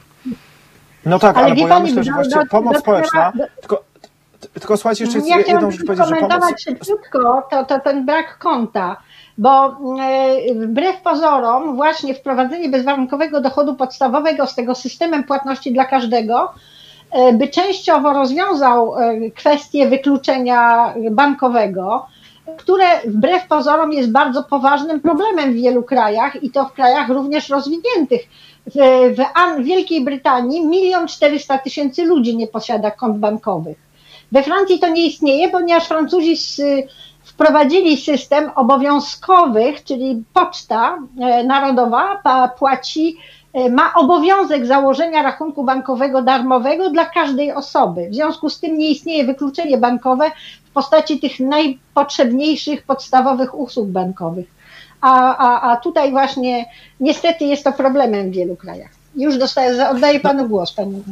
Nie, nie, nie, nie, panie Ewo, bo ja tylko chciałem powiedzieć, że to, co też mówi Anna, bo problem jest taki, że w Polsce widzi się zasiłki społeczne, czy pomoc społeczną, może tak to nazwijmy, jako, e, jako, jako właśnie taki coś dla przegranych, że nie widzi się w tym inwestycji, że to jest inwestycja po prostu w kogoś. I, i ten przykład też z pani życia, że jak pani straciła pracę, to dostawała pani 85% e, wynagrodzenia w momencie, kiedy e, pani studuje, pokazuje, że pomoc społeczna może być inwestycją inwestycją. I z tego wszyscy korzystają, że opłaca nam się wspierać ludzi przez jakiś czas, jeżeli tracą pracę, bo na końcu skorzystamy z tego wszyscy. I może w ten sposób powinniśmy stworzyć także opowieść o tym bezwarunkowym dochodzie e, e, e gwarantowanym, że to jest po prostu, nie jest kwestia jakiegoś takiego rozdawnictwa czy pomocy społecznej, tylko to jest kwestia w inwestycji w nas, w, nasze społeczeństwo, że na tym wszyscy będziemy korzystać, widzieć w tym właśnie formę inwestycji w społeczeństwo, w całe kraj, nie uważa pani? E, no bardzo się z tym zgadzam. Uważam, że żeśmy właśnie w tej rozmowie e, wynalazł Pan odpowiedni język. No to jest e, dokładnie tym bardziej, że to jest język, który społeczeństwo postkomunistyczne i bardzo wolnorynkowe bardzo dobrze rozumie, prawda? Te no słowo inwestycja ludzie bardzo dobrze rozumieją i wiedzą, co to znaczy. Ale ma Pan rację. Rzeczywiście bo mówiąc o tym moim studiowaniu, to jest y, system, europejski system studiowania, przez, znaczy nauczania się przez całe życie, ten y, long life learning, który jest, wszyscy to uznają, prawda, że to super, teraz czasy są takie, że trzeba całe życie się douczać, studiować i tak dalej, i tak dalej, bo się świat zmienia, bo rynek się zmienia, warunki się zmieniają i nie można zostać z jednym zawodem czy z jednym wykształceniem na całe życie. Tylko, że potem, żeby to wdrożyć w praktyce, to niestety nie wystarczy dać ludziom dostęp do uczelni, wydziałów, kierunków i dać im kredyty, żeby zapłacili wczesne. Jeszcze te, ci ludzie często, jak już w swoim życiu, w pewnym momencie swojego życia chcą pracować, to mają rodziny i dzieci. I, I, mają zobowiązania, mają wynajęte mieszkania, mają opłaty, koszty życia, prawda? Więc trzeba tak. jednocześnie pozwolić ludziom te studia robić. To nauczanie, żeby mogło się dokonać, to ludzie muszą w tym czasie studiowania po prostu coś jeść i płacić czynsz. Więc, więc e, te, we Francji jest dużo tych systemów wsparcia. Jest system 1%, e, pracodawcy płaczą 1% na fundusz i wtedy e, pracownik może zgłosić wniosek na jakiekolwiek nauczanie, kompletnie niezwiązane z jego zawodem i pracodawca może dwa razy odmówić ze względu na potrzeby serwisu, a trzeci raz nie może. I wtedy też się dostaje tam 70 czy 80%, nie wiem jaki jest teraz, y, to się mogło pozmieniać, ale w każdym razie jest dużo różnych formuł nauczania przez całe życie, dostępności do nauczania przez całe życie, które się opiera na tym, że ludziom się gwarantuje możliwość utrzymania pod, w tym okresie, w którym się uczą. Więc to jest, i to jest ta inwestycja, rzeczywiście tak jak e, Pan to słusznie mówi, że to jest inwestycja. Także do, mówiliśmy o problemie godności, mówiliśmy o problemie inwestowania w to, żeby ludzie mieli możliwość wykorzystywać swój potencjał. No bo chodzi o to, że y, jak ma się Dokładnie. lat 15, 16, kiedy się decyduje o swojej pierwszej ścieżce życiowej, jeśli chodzi o swoje wykształcenie, to ludzie są za mało dojrzali, żeby wiedzieć, czy to jest rzeczywiście coś, co potem w praktyce będzie im odpowiadało. Ludzie się zmieniają, świat się zmienia. Trzeba się stale dostosowywać do tej zmiany.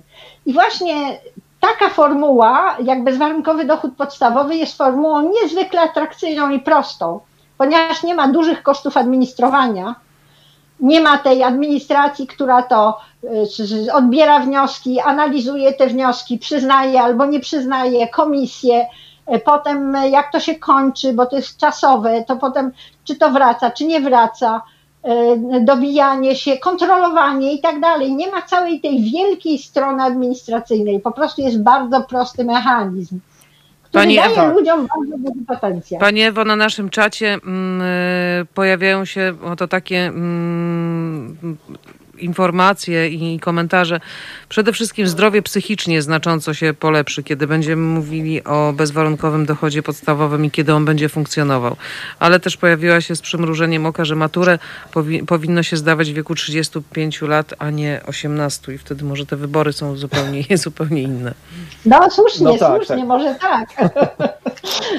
No właśnie, tak. ale słuchajcie, ja- jeszcze chcę wrócić do tego, bo jednak e, ja- ja chcę o tym naprawdę na poważnie porozmawiać, żeby też to się stało mm, e, no, jakby większym tematem w mainstreamie w Polsce i musimy się mierzyć z tymi argumentami. Już tu się wszyscy wałtowaliśmy, że jesteśmy za tym, ale, e, ale chcę też trochę panią pochallenge'ować, pani Ewo, że będzie argument, że dlaczego Kowalski, który jest na bezrobociu i e, ma pięcioro dzieci i nie ma pieniędzy, dostaje tysiaka e, z tego dochodu gwarantowego, ale Leszek Czarnecki, czy Zygmunt Solorzak, e, czy ktoś inny bogaty w Polsce też ma dostawać ten tysiąc złotych. Dlaczego to tak ma być? Jak pani wtedy odpowie? Pojawi się takie pytanie. No wie pan co, 500 plus też wszyscy dostają. Też prawda? chciałam to Czyli powiedzieć, podstawowe- tak. Podstawowe No, ale, ale co, i. I to jest kwestionowane. No i, co- no i mamy te dyskusje, to Ja jest też rozumiem. kwestionowane. Czy tak Ale oczywiście to jest też kwestia. Po pierwsze, tak, nie każdy się y, rodzi, rodzi bogaty i, e, i e, umiera bogaty, e, więc to też fortuny nie są dane raz na całe życie, ale to jest, y, to jest y, mało ważne. Najważniejsze jest to, że jest system podatkowy, w którym jeżeli system podatkowy jest odpowiednio progresywny, to w momencie, kiedy ktoś ma duże dochody, to wchodzi na bardzo wysoki próg podatkowy i większość tego i Mhm. tak w podatkach odda. Więc, więc y, y, musi być system redystrybucji, ale y, y, zasada jest ide- fantastyczna, bo to mówiliśmy o tej kwestii godności. Jeżeli pan Kowalski, który jest prostym człowiekiem, e, ubogim, dostaje ten sam dochód podstawowy, co pan Soros czy inny bardzo bogaty człowiek, to jest ta kwestia. E, zaraz ja nie wiem, czy ja państwa nie zgubiłam. Nie, jesteśmy, Nie, nie. słyszymy się pani, A. pani Ewo. Dobrze, dobrze, dobrze, dobrze. No chodzi o to, że jest to po prostu kwestia, że jesteśmy sobie równi. To jest coś, co jest dla wszystkich. Bez względu na to jest to taki republikański gest, powiedziałabym. Republikański akt dla każdego. No- Z tego tytułu, właśnie. że jest właśnie żywym człowiekiem, że jest istotą żyjącą na tej planecie i że po prostu jest to dla każdego. I, to, i nie, nie stygmatyzuje, że to tylko dla tych biednie, biedniejszych, dla tych nieudaczników. Jednocześnie te osoby zamożniejsze będą wspierały, które mają większą władzę i większy dostęp i moc e, wpływu na decyzje i dostęp do elit rządzących. Będą, e, e, będą bardziej zainteresowani tym, żeby to wesprzeć, jeżeli to będzie dla wszystkich. Ja zawsze Tak. nie, nigdy Ja myślę, się... że też. wy- Tylko prze...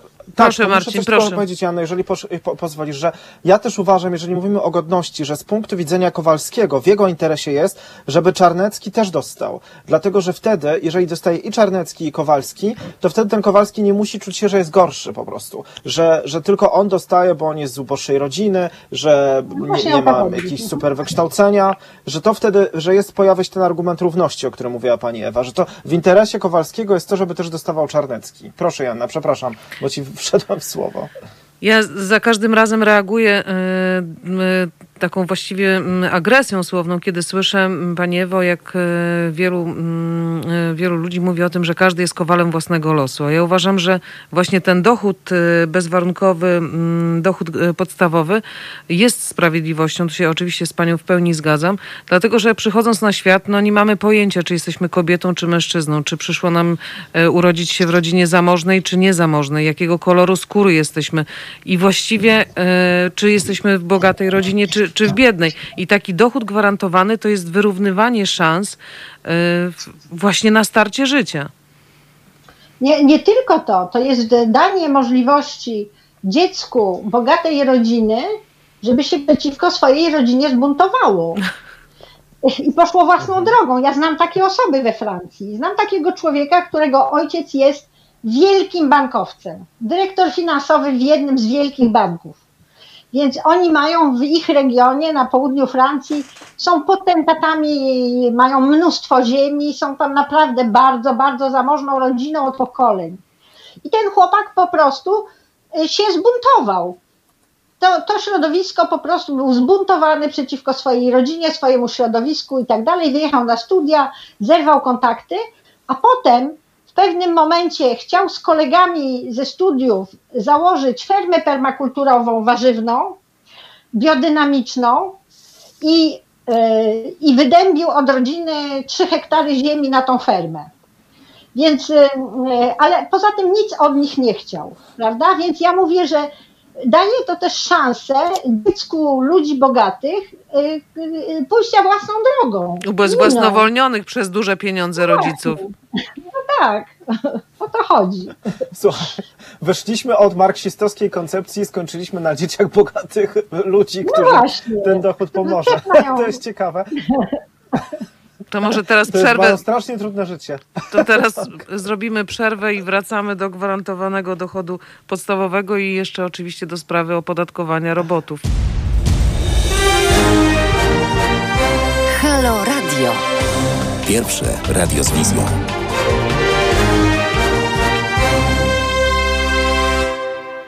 Halo Radio, Joanna Warecha, Marcin Antosiewicz i nasza wspaniała gościni, ekspertka pani Ewa Sufin-Jacquemart. Dziś rozmawiamy o opodatkowaniu robotów, ale także o bezwarunkowym dochodzie podstawowym, a na naszym czacie to nie będzie komuna, tylko państwo opiekuńcze. Kolejny głos, żadne państwo opiekuńcze to będzie państwo sprawiedliwe. Kolejny głos to nic innego jak danie ludziom wolności. Tak, chociaż trzeba powiedzieć też, Joanna, bo ty pytałaś, czy to, czy to nie będzie powrót do komuny, e, e, że, e, że to oczywiście są głosy, z którymi w polskiej debacie publicznej będziemy się musieli mierzyć. Natomiast prawda też jest taka, że na przykład w Stanach Zjednoczonych to pierwszym takim poważnym orędownikiem, mm, e, jeżeli chodzi o mainstream, to okazał się Richard Nixon, czyli bardzo konserwatywny, prawicowy prezydent, który pod koniec lat 60. proponował, żeby każda czteroosobowa rodzina otrzymywała przynajmniej 1600 e, dolarów e, rocznie od państwa i poparł go Martin Luther King w ogóle, a też trzeba powiedzieć, że duży biznes coraz częściej popiera tę ideę dochodu gwarantowanego, bo wśród e, zwolenników jest Elon Musk, e, Mark Zuckerberg, też e, tacy wolnorynkowi ekonomiści jak Milton Friedman e, popierali tę ideę. I tutaj też pojawia się na przykład głos, Pani Ewo, jestem ciekawy jak Pani to skomentuje, e, moich lewicowych znajomych e, z Niemiec, którzy w momencie, kiedy zobaczyli, że wielki biznes to popiera, no to oni po, zaczęli podchodzić do tego dość ostrożnie, bo mówią, że biznes popiera to dlatego, że chce z siebie rzucić odpowiedzialność za swoich pracowników na państwo. To znaczy oni przeprowadzą duże restrukturyzacje, duże zwolnienia i teraz oddadzą państwu, żeby oni się martwili o tych pracowników. No, y, na pewno częściowo taka, taka logika biznesu jest, ale to się tak dzieje. My ten proces obserwujemy, no ja trochę dłużej żyję niż Państwo I to cały czas było właśnie ta flexibility, którą żeśmy tam krytykowali powoli, że się właśnie tego boimy i tak dalej. To się wszystko wyda- wy- wy- stało. To przenoszenie firmy do, do Azji, prawda, do, czy do Tunezji, czy do innych krajów właśnie Magrebu, no do Polski też, no bo to było z Francji, to akurat do Polski poprzenosiło się, bo bliżej, prawda, ale potem, bo proces jest taki, że widzieliśmy to w Kanadzie, że, że, że najpierw właśnie szantażują, korporacje szantażują obniżką pensji i tak dalej, i tak dalej. I jak się to zaakceptuje, no to potem i tak oni to przenoszą kawałek dalej, bo chcą więcej. Więc czy będzie bezwarunkowy dochód podstawowy, czy nie, to, to firmy i tak ten cały proces zwalania jak najwięcej na państwo i jak najmniej na siebie, unikania opodatkowania, prawda, przenoszenia tych podatków do rajów podatkowych, gdzie się da, to ta gra niestety się nie zatrzyma. Ona będzie i tak się toczyła. Także, także dla mnie to nie jest argument, że, że korporacje chcą. No korporacje wszystko wykorzystają, jak nie to, co innego. Dla mnie jest ważne ludzie, żeby, żeby mieli poczucie bezpieczeństwa, stabilizacji jakiejś minimalnej i tak dalej.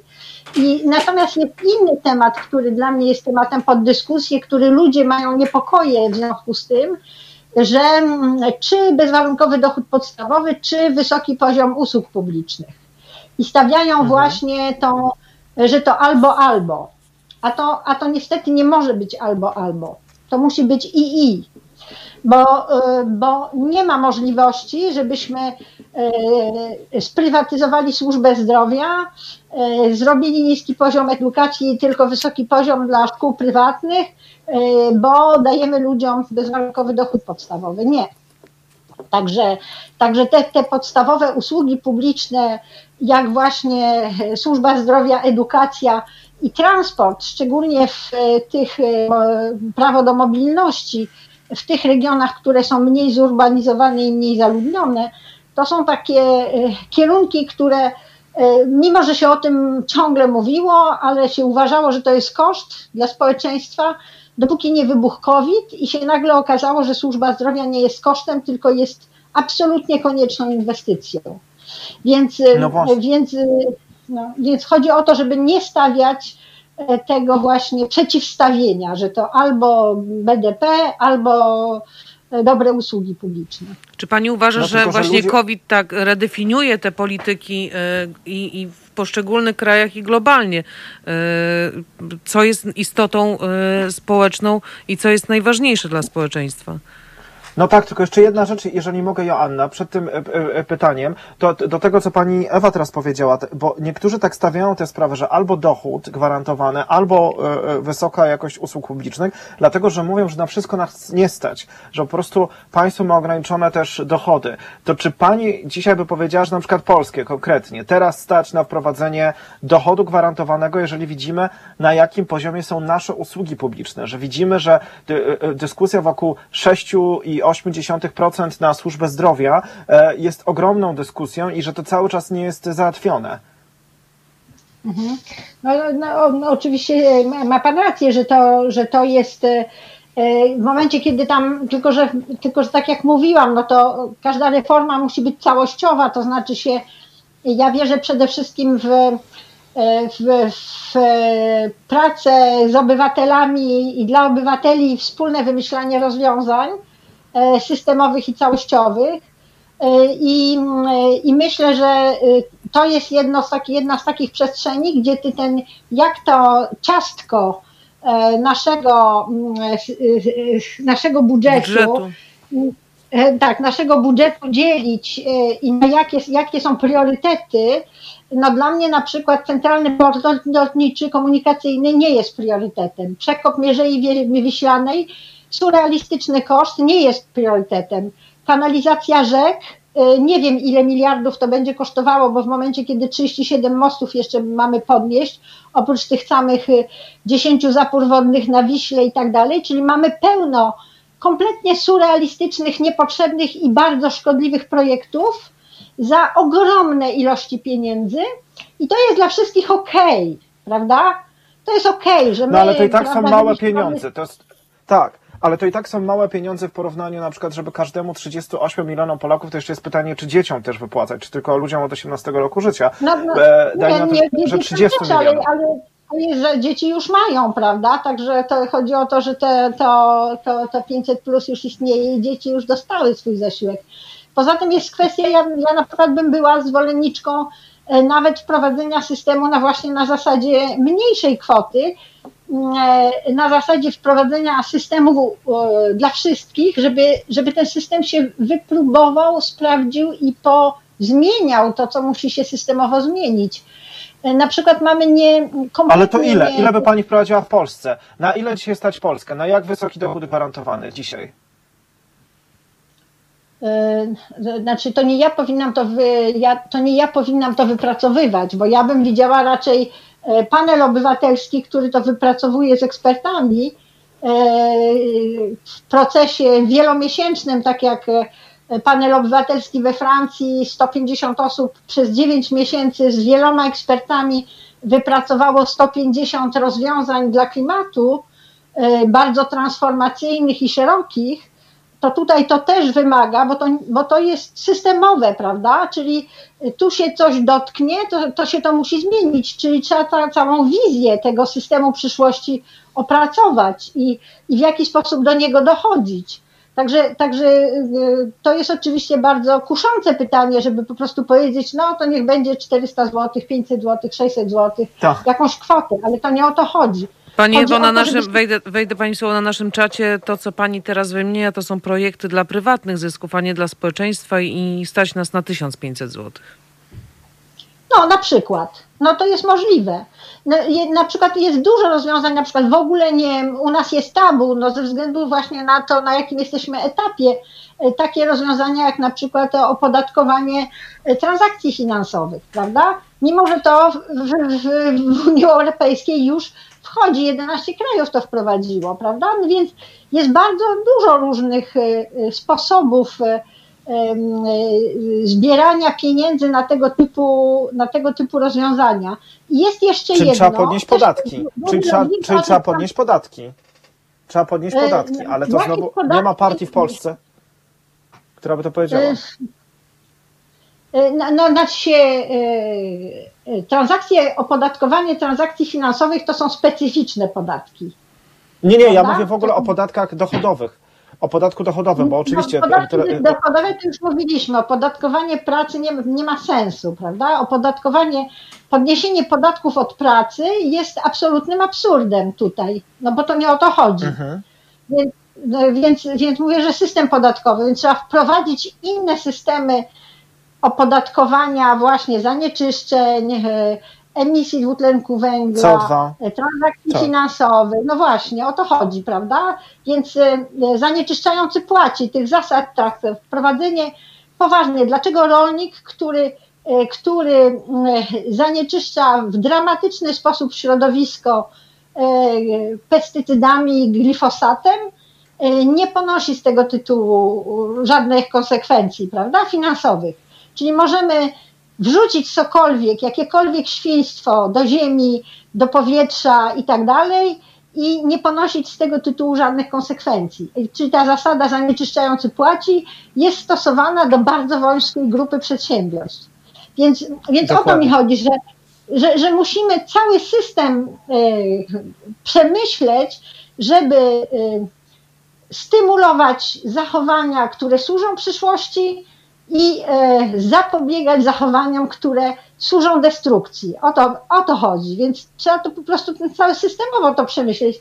I ja tego nie zrobię e, w ciągu dwugodzinnej rozmowy z Państwem, natomiast widzę jako pole do fantastycznej pracy rocznej e, panelu obywatelskiego, czyli takiej losowego wybrania ludzi, żeby była reprezentacja najróżniejszych obywateli, bo to jest precyzyjna metoda, którzy będą pracowali i, i wypracują razem z uczestniczącymi ekspertami i osobami, które będą się z nimi spotykały i, i tak dalej, jaką propozycję. I jeszcze jest jedna rzecz, o której trzeba wspomnieć, która jest też bardzo atrakcyjna i ma dużo zwolenników, to jest wprowadzenie bezwarunkowego dochodu podstawowego na poziomie europejskim z budżetu Mhm. Unii Europejskiej do kieszeni każdego z Europejczyków. Jest też e, e, cały jest ruch, e, który wzywa do pilotażu w tym kierunku, że właśnie COVID to jest ten moment, kiedy byłby dobry moment na pilotaż w jakimś niewielkim zakresie takiego rozwiązania. Taki teoretyk bezwarunkowy, belgijski, wielki, bezwarunkowego e, dochodu e, podstawowego e, tłumaczy, że mogłoby to być na poziomie średnio e, 200 euro, które byłoby w zależności od poziomu wartości, prawda, euro, na przykład u nas to mogłoby być 100, a w Danii 270, prawda, że średnio byłoby to około 200 euro i jest ta, taka na przykład koncepcja. Koncepcja bezwarunkowego dochodu podstawowego, nawet y, mniejszej wartości, ale płynącego z budżetu Unii Europejskiej, jest bardzo atrakcyjna jako y, przybliżającego obywateli do Unii i dającego im takie wymierne poczucie, że, e, że Unia coś dla nich robi. Ale czy znowu Tak. nie pojawi się taki głos, Panie Ewo, na koniec, że to tak jak z dopłatami bezpośrednimi, że będziemy czekać na wyrównanie tego e, wysokości dochodu e, podstawowego, bezwarunkowego. E, pani mówi w Danii 270 euro, a u nas na przykład stoi, znowu podniesie się larum. Dlaczego wszyscy nie będą mieć równych szans?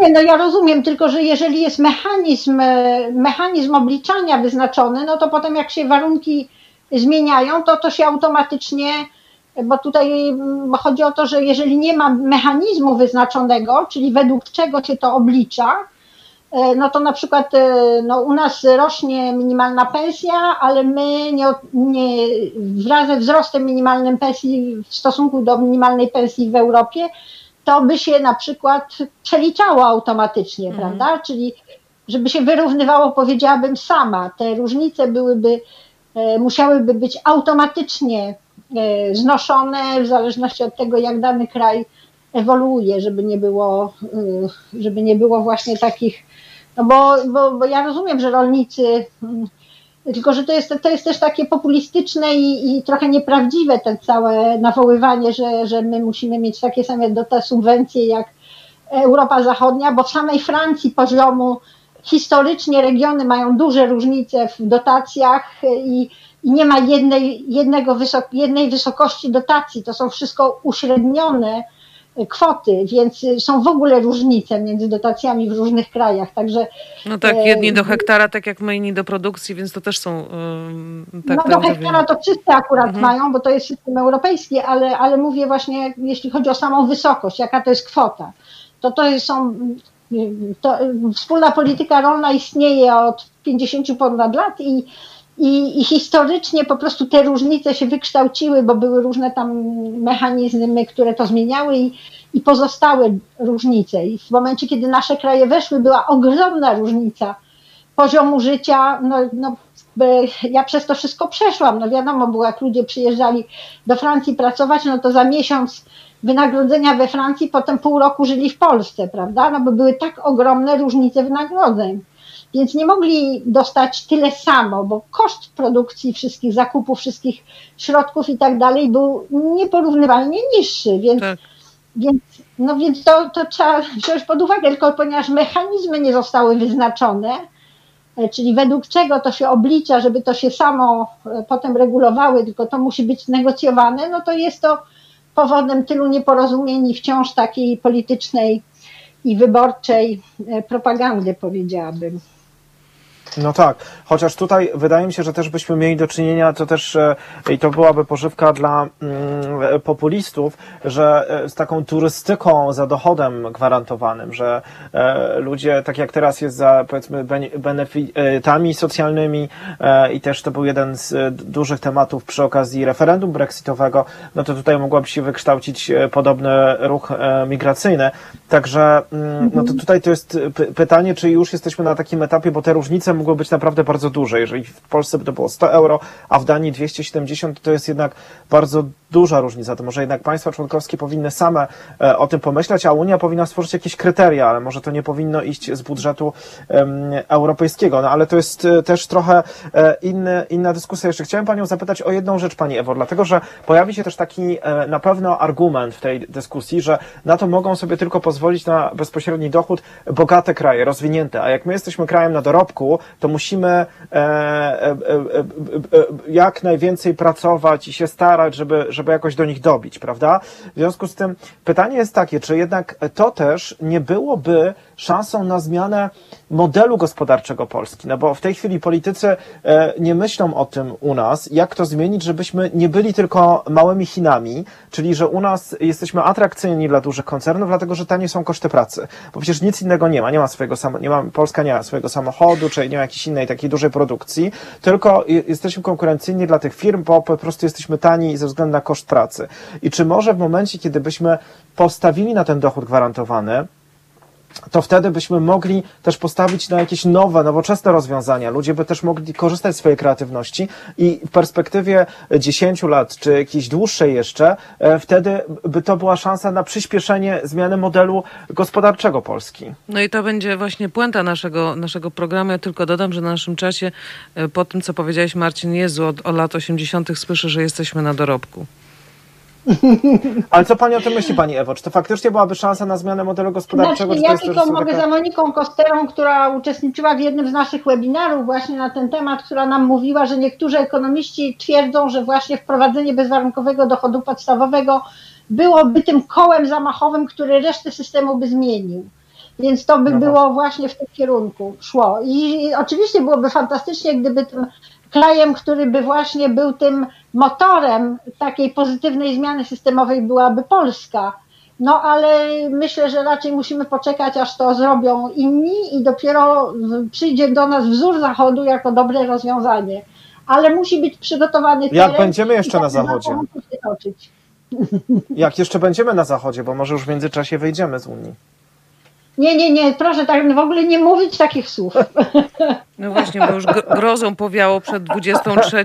Dziękuję Pani Ewo, bardzo, bardzo serdecznie, bardzo serdecznie dziękuję, dziękujemy za spotkanie. Naprawdę to był wielki zaszczyt gościć Panią w e, Halo Radio. Ewa Sufin, e, Jacques Mart była naszą gości. Wielką przyjemnością i zachęcam wszystkich do wpłacania pieniędzy na Halo Radio, bo jest to fantastyczne radio i potrzeba nam dzisiaj obywatelskiego, niezależnego radia i innych mediów. Bardzo Wam gratuluję. Dziękuję, dziękujemy. Ja, Joanno, a czy mogę jeszcze jedną rzecz tylko zapytać? Mam jeszcze dwie minuty, żeby o coś jeszcze Nie, dopytać mamy, e, 30 sekund.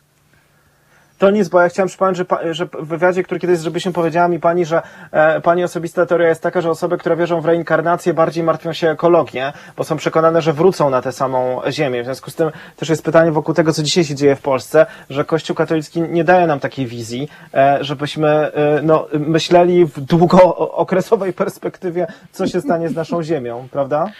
Tak jest, tak, tak. Głęboko w to wierzę, że właśnie wiara w reinkarnację sprzyja trosce o, o planetę i jej długofalowe trwanie. Panie Ewo, no to mamy temat, to mamy temat na nasze kolejne, kolejne spotkanie. Bardzo serdecznie dziękujemy. Dobranoc Państwu. Halo Radio, Dziękuję dobrej nocy. Dziękujemy. Do widzenia.